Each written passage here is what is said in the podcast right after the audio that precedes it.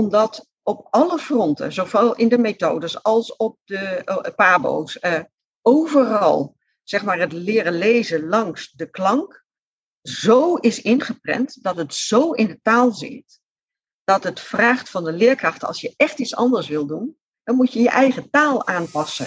Podcast De Biep is Meer gaat op zoek naar de toekomst van openbare bibliotheken en hoe zij bijdragen aan de maatschappelijke uitdagingen van deze tijd. Met nieuws uit de sector, spraakmakende gasten en verrassende thema's word je meegenomen in de wereld van leesbevordering, digitaal burgerschap en participatie. De Biep is Meer is een initiatief van Matt Gubbels die jou wil informeren en inspireren. Hij gelooft in de kracht van podcasting en het verhaal van de bibliotheek. Welkom bij alweer aflevering 11 van De Biep is Meer, met deze keer weer een ouderwets interview. In deel 2 van de serie over de leescrisis in Nederland spreek ik met de auteur van een boek dat vanuit een ander perspectief aankijkt tegen het leren lezen op scholen. Zij stelt zichzelf even voor. Hildegonde Mostert. Uh, ik ben uh, professional op het gebied van leren en veranderen. En in mijn werkzame leven ben ik een mooi onderwerp tegengekomen rondom leren, lezen en spellen. daar heb ik me in verdiept. en um, ben ik samen met een aantal andere professionals uit scholen ook mee bezig om daar en onderzoek in te doen. En ook het gewoon in de school voor de kinderen aan het werk te krijgen. Dat is een deel van mijn werk. En een andere deel van mijn werk, ik ben programmaleider van sterk techniekonderwijs in Apeldoorn en omgeving. Uh, dat zijn uh, dan weer andere leerlingen met andere vragen en andere uitdagingen. maar zo ben ik steeds met leren en ontwikkelen bezig. Op dit moment bij scholen. Een van de aanleidingen, Hildegonde, om met jou te spreken is jouw boek. Spelen met letters en woorden. Alleen de titel al, daar word ik vrolijk van. Mag ik jou vragen eerst eens jouw beeld te schetsen over wat we op dit moment zien als de leescrisis? Ja, als ik eh, vanuit het perspectief waarin ik met leren lezen eh, te maken heb gekregen er naar kijk, dan is het natuurlijk, het heeft geen eenduidig antwoord, helaas. het is complex. maar in de totaliteit van de discussie, en daar gaat het boek ook wel over, merk ik dat de perspectieven van waaruit naar leren lezen wordt gekeken en naar de leescrisis wordt gekeken, wat mij betreft in ieder geval behoorlijk eenzijdig zijn. Um, en er zijn meer perspectieven aan toe te voegen, die het dan ook makkelijker maken voor leerlingen die nu buiten de boot vallen, om toch met minder frustratie uh, zich het lezen eigen te maken. En als je nou met minder frustratie je het lezen eigen kunt maken, uh, kun je je ook voorstellen dat de zin om te blijven lezen net wat makkelijker zou kunnen uh, worden voortgezet. Als je kijkt naar de oorzaken van de leescrisis, dan wordt vaak gewezen naar de scholen zelf. Is dat eigenlijk wel terecht? Um, deels. Um, uh, ja, weet je, er is in het onderwijs het een en ander te doen. Um, maar we hebben ook met elkaar, en dat bedoel ik eigenlijk maatschappelijk gezien, uh, ervoor gekozen om methodes aan de scholen aan te leveren die heel, heel, heel gedetailleerd uitgewerkt zijn. En waarbij eigenlijk niet meer gevraagd wordt om je professionaliteit en je expertise in te zetten want je kunt in principe alle checklisten langslopen en dan zou het goed moeten zijn. Dus het is ook wel een manier van hoe we met hoe leesmethodes zijn geïntroduceerd en worden geïntroduceerd. Hoe we dat ook in het onderwijssysteem vinden dat dat een plek moet krijgen. En ook wel, uh, zeg maar als ik kijk naar de PABO's, ehm, hoe worden leerkrachten opgeleid? Welke expertise krijgen ze daarop mee? hoe breed kunnen ze kijken? ja, dat zijn allemaal aspecten die meewerken of niet meewerken aan uh, dit onderwerp. Wat vind jij van al die leesinitiatieven die door bibliotheken de wereld in worden geslingerd? Ik denk dat, dat het heel belangrijk is dat naast um, de, uh, dat wat er op school gebeurt, dat de bibliotheken ook een rol hebben en houden in uh, lezen in allerlei vormen onder de aandacht te brengen. En, en bibliotheken zijn daar heel creatief in. Ik vind ook dat ze daarin echt voorbeelden hebben. We hebben hier in Apeldoorn Coda, waar heel veel combinaties worden gemaakt met lezen en boeken, maar ook kinderen laten bewegen en laten ervaren. Dat is iets wat je op school veel minder makkelijk kunt organiseren. en ja, daarin denk ik dat de bibliotheken echt een hele belangrijke rol hebben. Plus dat wat je eigenlijk wat je nodig hebt om, voor kinderen om te gaan lezen, is dat ze onderwerpen hebben waar ze in geïnteresseerd zijn. Nou, de hoeveelheden boeken die je op school moet hebben om alle kinderen in hun interesse te, te bedienen, ga je niet voor elkaar krijgen. Dus de bibliotheek is daarin wel een hele belangrijke, speelt daarin een hele belangrijke rol volgens mij. Hoe kijk jij naar het idee van minister Wiersma om mobiele leesbrigades het land in te sturen? De, een beetje ambivalent. Ik snap uh, dat er iets nodig is, dat er een interventie nodig is om, om te helpen. Omdat er in het onderwijs, en dat horen wij natuurlijk ook op alle kanten, er is al zoveel wat gevraagd wordt van het onderwijs op zoveel onderwerpen ja, dus dat, dat je dan zeg maar, gaat kijken of je uh, hulptroepen kunt inschakelen om op momenten uh, zeg maar, die leerkrachten in de klas te ontlasten, zodat zij zich bezig kunnen houden met de basiselementen. op zich kan ik me er wel iets bij voorstellen, maar hoe het zich dan in de praktijk gaat uitwijzen, daar kan ik nog niet helemaal inschatten. En het andere aspect is ook wel dat ik denk dat het belangrijk is dat de bestaande leerkrachten ook hulp krijgen in uh, zeg maar, nog beter uh, weten waar leren lezen over gaat. Wat je daarbij kunt zien bij jonge kinderen en hoe je die ontwikkeling kunt stimuleren. Um, want in wat wij doen op de scholen merken we heel vaak dat als we het perspectief wat wij aanreiken, als we daarop ingaan, dat ze echt dan ineens zich realiseren, oh, maar je kunt, je kunt het dus ook op een andere manier benaderen. En het feit dat leerkrachten uh, die voor de klas staan, dat eigenlijk niet weten, niet meegekregen hebben, is misschien nog wel een van de belangrijkste problemen. Ja, ja, zeker. En het gaat zover dat zelfs leraren zelf ook niet meer echt lezen. Nee, en als je zelf niet enthousiast bent over lezen, hoe kun je de enthousiasme dan overbrengen aan, aan je leerlingen? Uh, ja, dus dat, ja. Ja, maar ik zie ook leuke ontwikkelingen, zoals een boektok waar jongeren elkaar aansporen om te lezen. Die boeken die staan daarmee ontzettend in de belangstelling, dus jongeren lijken toch echt wel te willen lezen. Zeker. En weet je ook, de, uh, als je kijkt naar de, de jonge kinderen, die zijn allemaal, die willen eigenlijk allemaal. Want het is en, en spannend en je, je wilt dat ook kunnen. En ja, waar je dat enthousiasme zeg maar, kunt oppakken, voeden, ondersteunen. Uh, en dan weet ik wel dat uiteindelijk er ook een aspect zit in het leren lezen, wat best een lastig aspect is. Waar je ook even op moet doorbijten. Maar als het alleen maar daarover gaat, dan uh, gaat het plezier wel heel snel uh, op de achtergrond. Uh, en wordt het voor kinderen dus ook moeilijker om hun motivatie erbij te houden. Nou, toen kwam jouw boek, een boek dat een lange aanloop nodig had. Kun je iets vertellen hoe we jouw boek moeten plaatsen. Want je komt met iets heel specifieks, vind ik. Ja, ja het, het boek um, heeft wat mij betreft twee delen. En um, het eerste deel moet je vooral plaatsen in de oproep om ook breder en anders te kijken naar het proces van leren lezen. En, en met name het, het startdeel uh, van het proces van leren lezen. Daar um, kun je ook anders naar kijken. En ik zeg helemaal niet dat dat de waarheid is of dat, dat we daarmee de waarheid in pacht hebben. Want daar is de, uh, de vaardigheid van lezen is een te complexe vaardigheid om het gewoon ergens naartoe te schrijven. Mijn oproep is wel in dat stuk om vooral met een open blik te kijken naar. Zou het eventueel ook zou er iets in kunnen zitten dat je het ook op een andere manier benadert? Dat is de ene deel van het boek. En in het andere deel van het boek neem ik met name de leerkrachten uh, zeg maar heel praktisch mee van oké, als we deze achtergronden kennen, uh, dan zou dit de vertaling kunnen zijn in de klas. Uh, in groep 2, in groep 3. En, en op deze manier kun je naar vroegsignalen kijken. Op deze manier kun je kijken naar welke kinderen hier met name baat bij zouden kunnen hebben. Dus ja, het is vooral wat mij betreft een, een appel geweest op kunnen we breder kijken. Ja, ik houd daar wel van. Weet je, een bredere blik op lezen. En daarom vond ik ook jullie andere visie erg verfrissend. Kun je iets meer vertellen over alfabedding zelf? Want dat is de naam die jullie gegeven hebben aan de aanpak. Waar, waar komt die naam bijvoorbeeld vandaan? Alfabedding is uh, uh, geïntroduceerd door uh, van Raamstom, de grondlegger van alfabedding. En um, voor hem was het heel erg zoeken naar hoe kan ik het fundament leggen onder eigenlijk alfabetisering. Uh, dus het is eigenlijk de bedding van de rivier, zoals hij dat in het beeld had. Die, uh, die, de bedding die je hebt om het alfabet en om alles wat met het alfabet en met lezen te maken heeft, om daar een flow in te krijgen. Dus hij noemde het alfabet, de, letterlijk de, het fundament onder alfabetisering. Ja. Hij was zelf zwaar dyslect, heb ik gelezen. Ja, enorm. hij was hij is uh, recent overleden, vorig jaar in januari. Het was toen 87.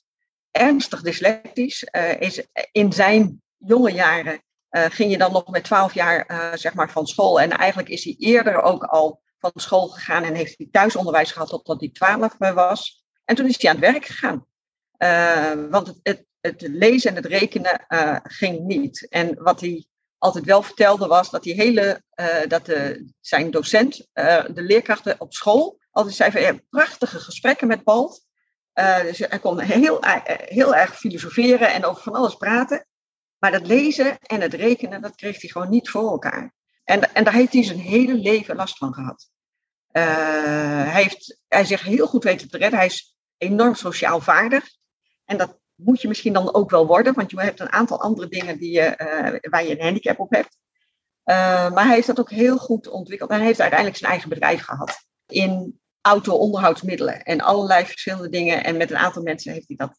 En uiteindelijk heeft hij dat toen hij met pensioen ging, en ik denk dat dat rond ongeveer het jaar 2000 was, iets eerder waarschijnlijk. Toen hij met pensioen ging, toen dacht hij: oké, nou wil ik het weten waarom ben ik wel in staat geweest om een eigen bedrijf te hebben, om van allerlei dingen uh, uit te vinden en met elkaar te verbeteren en dat soort dingen. En is het ze nooit gelukt om mij te leren uh, lezen en schrijven? Hoe kan dat? En dat is de, de, de, start van zijn zoektocht geweest. En hij is in gesprek gegaan met allerlei uh, wetenschappers van die tijd. Kees van der Bos, Wiedruizenaars, een hele groep wetenschappers. Iedereen eigenlijk bevraagd over hoe zit dat. Want voor hem was het gesprek een betere manier om het te leren dan te lezen. En van daaruit heeft hij ideeën ontwikkeld waarvan hij overtuigd was dat op het moment dat je daar beter aandacht aan geeft, je voor de kinderen die uh, zeg maar de aanleg hebben om dyslectisch uh, te worden, ja, dat je ze een betere basis geeft om toch de vaardigheid van lezen en schrijven te kunnen ontwikkelen. Het heeft een hele tijd geduurd voordat alfabedding tot wasdom is gekomen.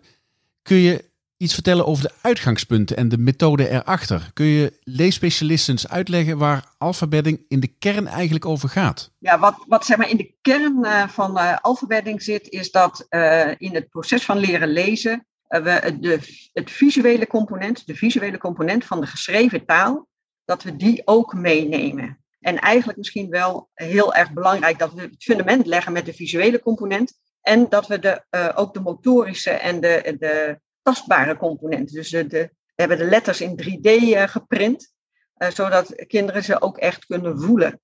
En de kern van de methode of de methodiek gaat erover dat je kinderen helpt hun visuele geheugen ook te ontwikkelen voor de vormen van de letters, maar ook de patronen te gaan herkennen waar woorden uit bestaan. Voor ons is het zo evident dat als je een woord ziet, dat je weet wat het betekent en dat je dat woord herkent in allerlei teksten. Maar voor kinderen is het gewoon abracadabra. Het zijn echt, uh, uh, als je een woord met vier letters hebt, zijn het vier vormpjes die daar, wat hun betreft, in een willekeurige volgorde staan. Dus wat we met alfabedding eigenlijk doen, is kinderen helpen echt kijken naar de geschreven taal. Hoe zien die vormen eruit? Wat, wat zijn hun karakteristieken? Maar ook welke patronen kun je herkennen? Wat als je uh, hetzelfde patroon tegenkomt, uh, als je goed kijkt, zijn, is dan echt hetzelfde. Ik zeg altijd het voorbeeld van kraan en krant.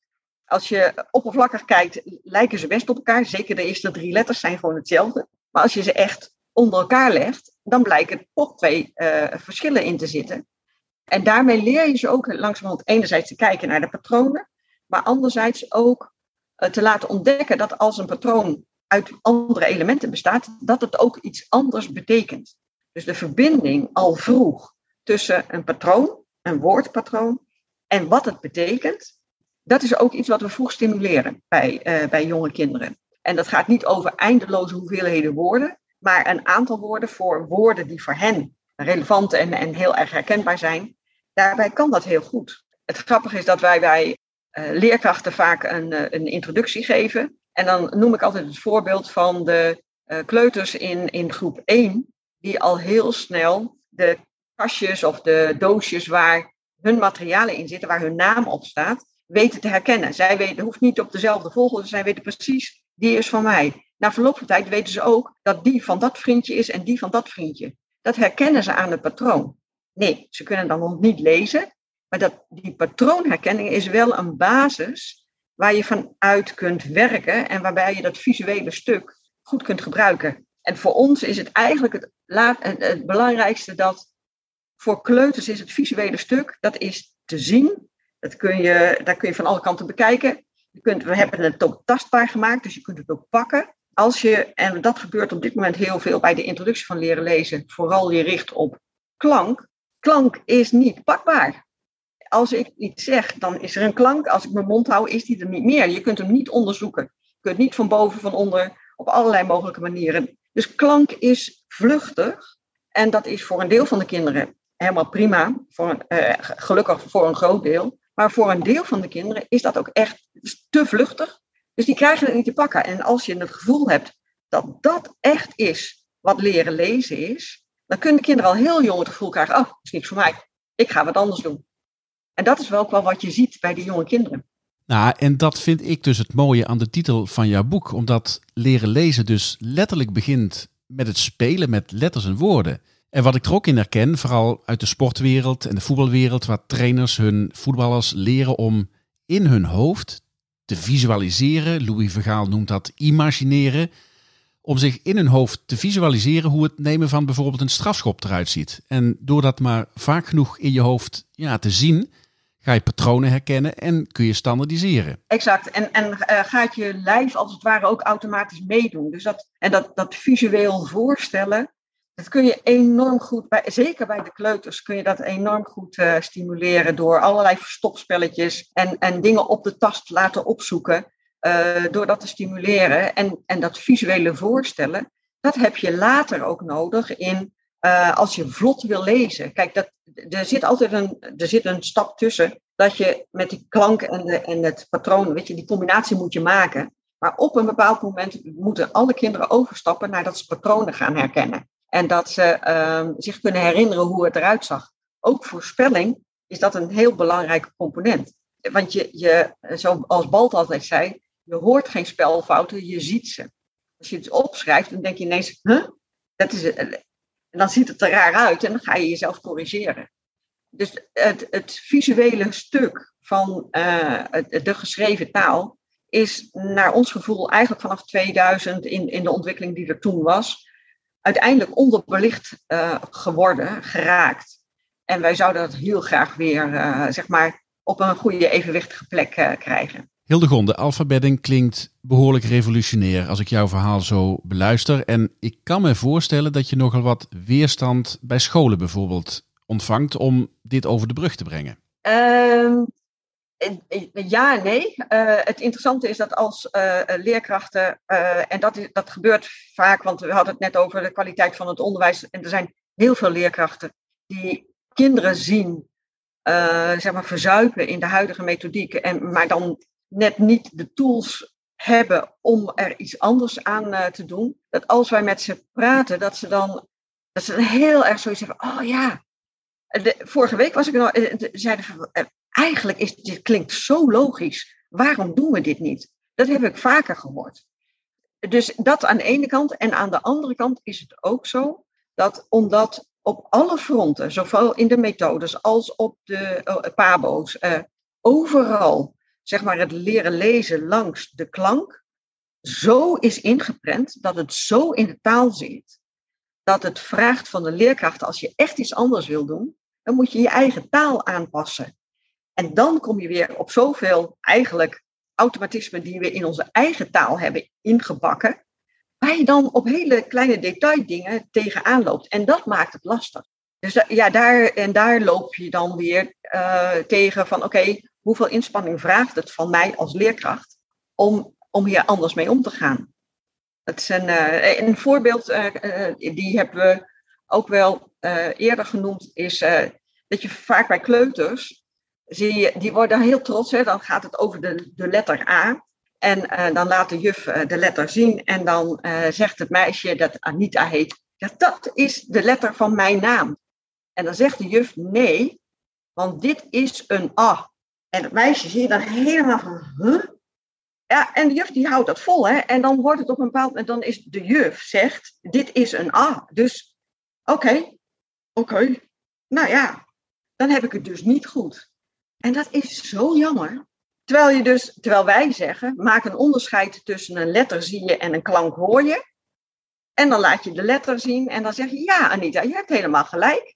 Dit is de letter, hij heet de letter A. En hij klinkt soms als A, zoals in jouw naam. En soms klinkt hij als A in een appel. Dan vertel je iets wat klopt.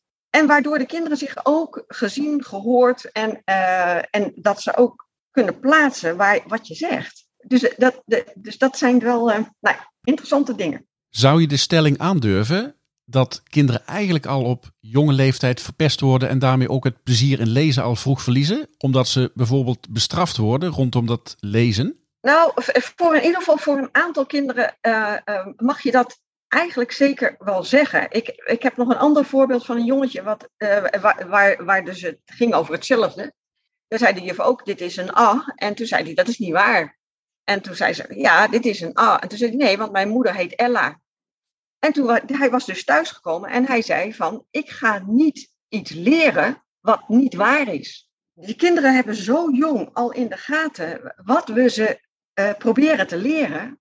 En we, we gaan voorbij aan de verwarring die we bij ze aanbrengen, doordat wij denken dat doordat we het zo doen, worden we, maken we het ze makkelijker. En het is de vraag maar wie we het makkelijker maken. Het is voor mij echt op de rechte vraag. Je hebt het over een deel van de leerlingen. Bedoel je daarmee het dyslectische deel van de klas? Nou, uh, dyslexie wordt uh, zeg maar officieel diagnostisch pas vastgesteld vanaf na groep 4. Hè, want dan heb je voldoende en bewezen dat het hardnekkig en uh, nou die. Um, maar waar het dan inderdaad over gaat, is over de groep van kinderen die het risico heeft om dyslexie te ontwikkelen. Zo, zo benoemen wij het dan. Of eigenlijk zeggen we niet alleen niet dyslexie, maar lees- en spellingsproblemen. Dan hou je hem ook nog wat breder.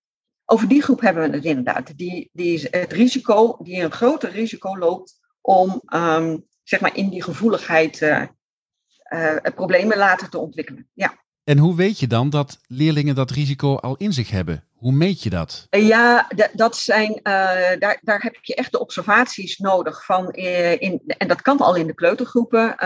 er is ook een, het protocol preventie leesproblemen, wat door het Expertisecentrum Nederlands is geschreven, heeft ook een aantal signaleringen uh, voor uh, vroegsignalen. Dat gaat ook over de kleuters. Wat ik altijd wel belangrijk vind, is dat, dat dan niet de, het stempel wordt gegeven van dyslexie, maar dat het gaat over mogelijke risicofactoren waar je naar kijkt. Maar daar zijn er een aantal van die je al echt vroeg kunt onderkennen. Eén daarvan is automatisering. Die, die kinderen die moeite hebben met automatiseren, je ziet, dat zie je al in de kleutergroepen. Het moeite met onthouden van de namen van de kinderen in de klas, uh, onthouden van de namen van de week, uh, van de dagen in de week, klok kijken, al dat soort dingen. Het zijn allemaal al automatiseringsstappen waarbij je deze kinderen dat al moeilijk ziet doen. Daar zit, daar zit wel een onderliggende factor in die, um, die ook signaal geeft op van hey, mogelijk moet je met deze kinderen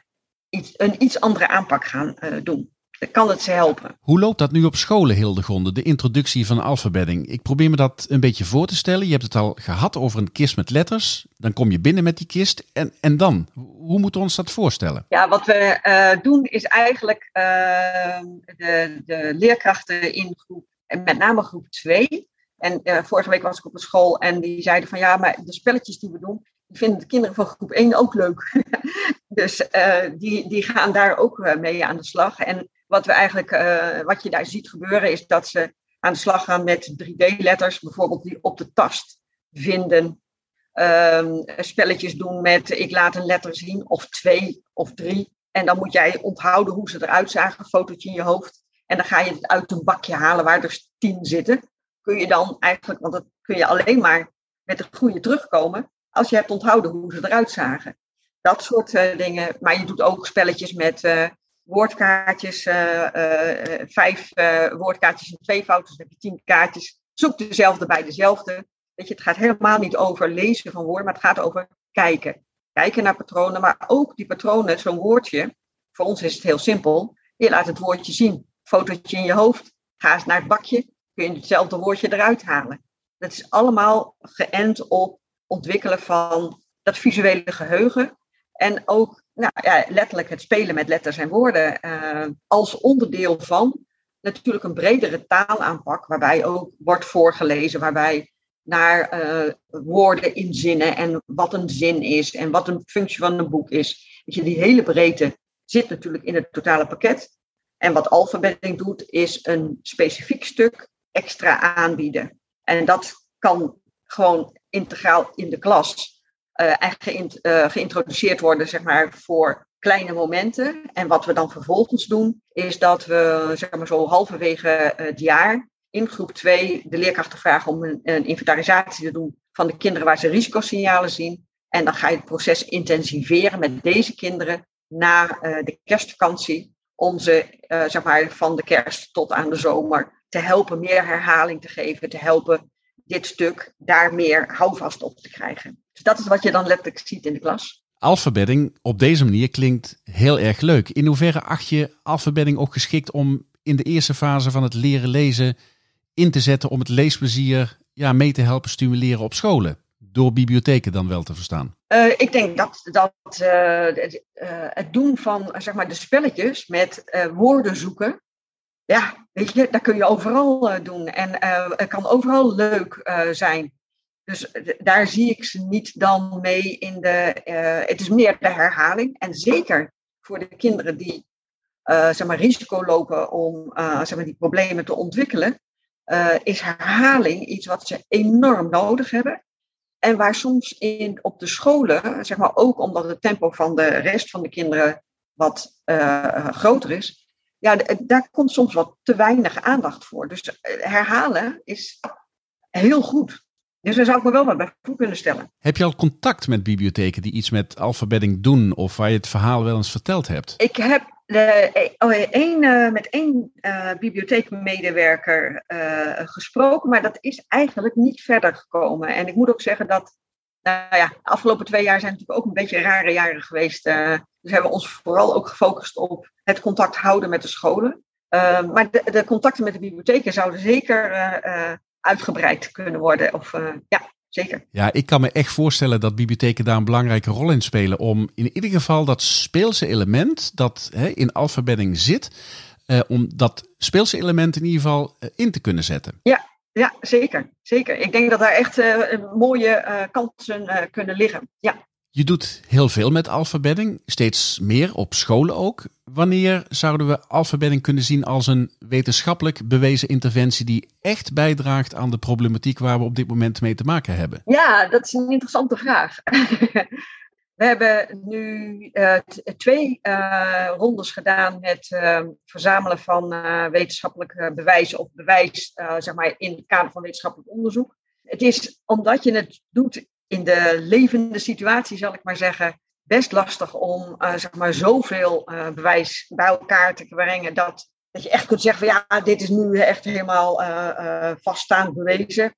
Wat we wel kunnen zeggen is dat we trends zien. en wat we eigenlijk nog wel nodig hebben is nog wel twee of drie keer een, een school die mee wil doen in het onderzoek samen met een controlegroepschool om daar dingen in te doen, zodat we zeg maar, bewijzen kunnen stapelen en die trends ook uh, wat meer uh, onderbouwd, uh, nog verder onderbouwd kunnen maken. Doe je hiermee eigenlijk een oproep aan bibliotheken om eens te kijken of zij scholen kunnen vinden die het experiment met alfabedding willen aangaan? Nou, als, als ze mogelijkheden zien, hoor ik dat heel graag. Zeker. Nou, ik hoop dat alle leesconsulenten bij bibliotheken, leescoördinatoren op scholen, schooldirecteuren ik hoop dat iedereen dit verhaal oppikt en dus vanuit een ander perspectief naar het leren lezen vraagstuk zou willen kijken aan de hand van alfabedding.